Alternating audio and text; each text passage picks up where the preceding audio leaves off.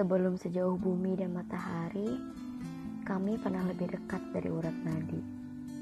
Sebelum akhirnya saling melepaskan, kami pernah berjuang untuk saling membahagiakan.